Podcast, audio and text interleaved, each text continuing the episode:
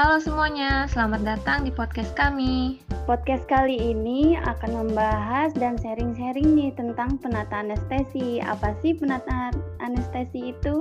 Eh, tunggu dulu. Sebelum masuk ke podcastnya, alangkah baiknya kita memperkenalkan diri dulu nih kak. Oh iya, bener banget.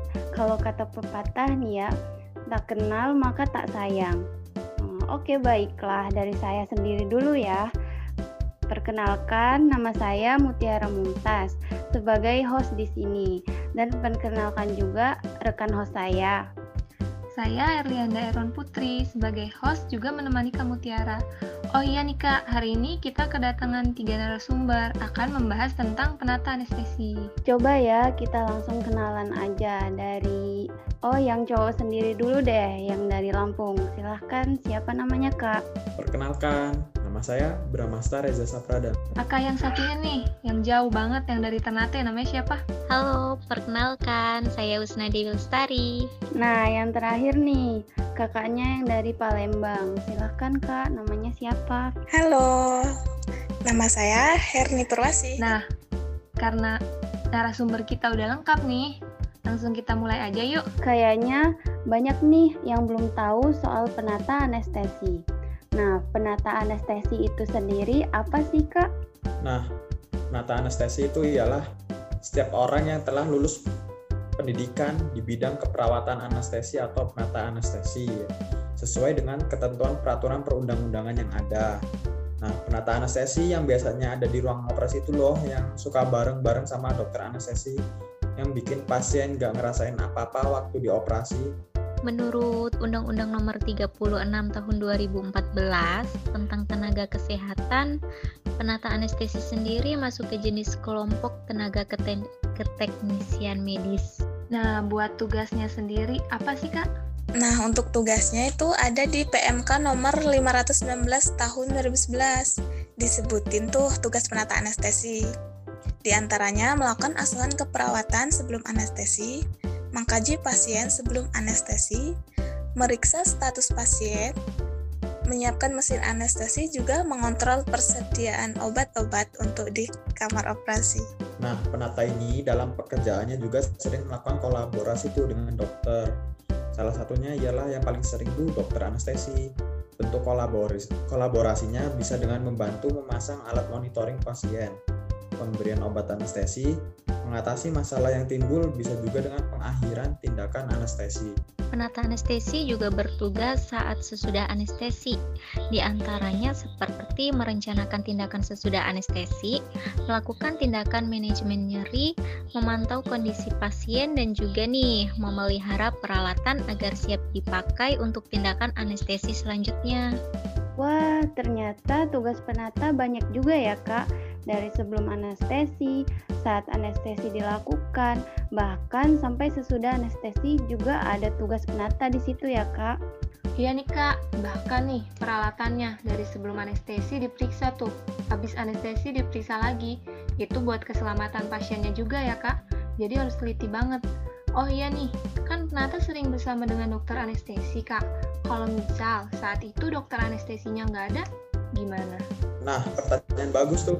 Menurut aturan di PMK nomor 18 tahun 2016 tentang izin dan penyelenggaraan praktik penata anestesi, di pasal 12 itu disebutkan bahwa penata anestesi dapat melaksanakan pelayanan atas dasar pelimpahan wewenang sebagai mandat dari dokter spesialis anestesi atau dokter lainnya. Jadi misalkan dokter anestesinya nih nggak ada di tempat penata anestesi dapat melakukan tindakan atas dasar pelimpahan wewenang tadi Ini jadi pengetahuan buat kita semua ya. Apabila dokter anestesi tidak ada di tempat pun, operasi masih bisa berjalan. Hmm, Kak, apakah pada saat melakukan tindakan anestesi, kita juga dituntut untuk bisa berkomunikasi kepada pasien atau profesi lainnya? Dan apakah saat tindakan ada aturan untuk berperilaku sesuai etika tim medis? Bener banget nih kak, apalagi kan kita tinggal di negara yang punya banyak suku bangsa. Jadi kita harus menghormati apa yang diyakini pasien tersebut.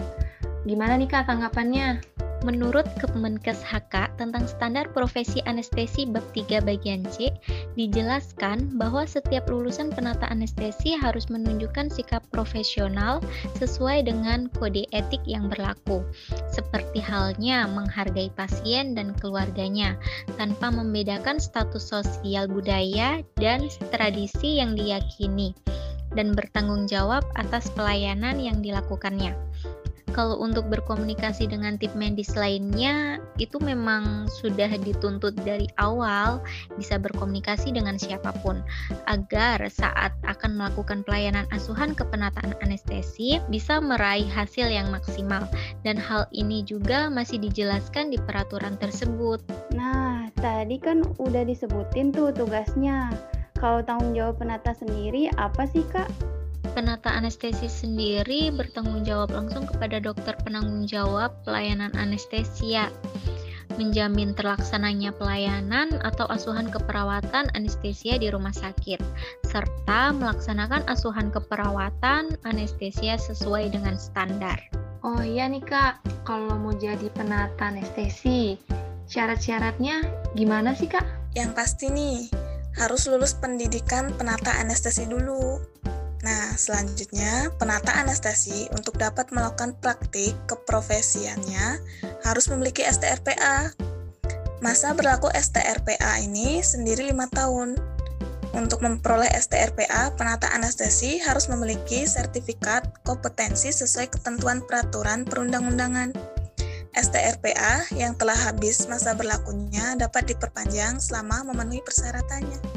Nah, selain STRPA, penata anestesi juga wajib memiliki SIPA.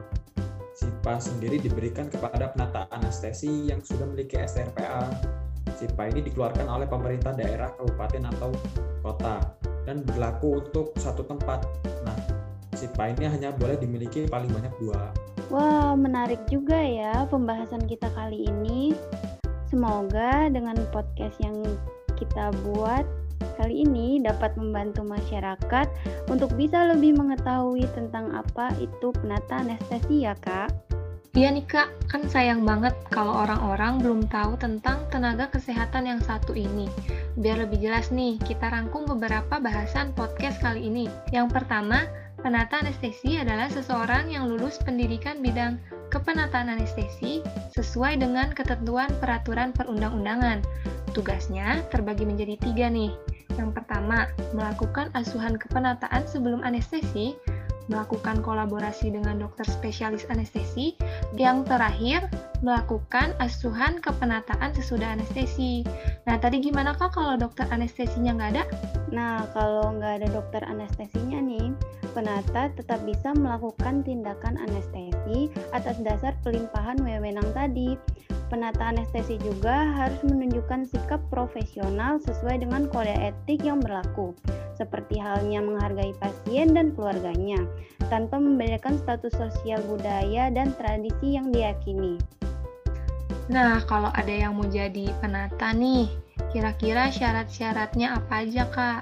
Yang pasti lulus pendidikan kepenataan anestesi dulu dong, biar punya ilmunya terus punya STRPA dan punya SIPA. Nah, itu dia rangkuman dari podcast kali ini. Terima kasih banyak untuk Bramasta Reza, Husna Dewi Lestari, dan Erni Purwasi sebagai narasumber kita hari ini. Sama-sama.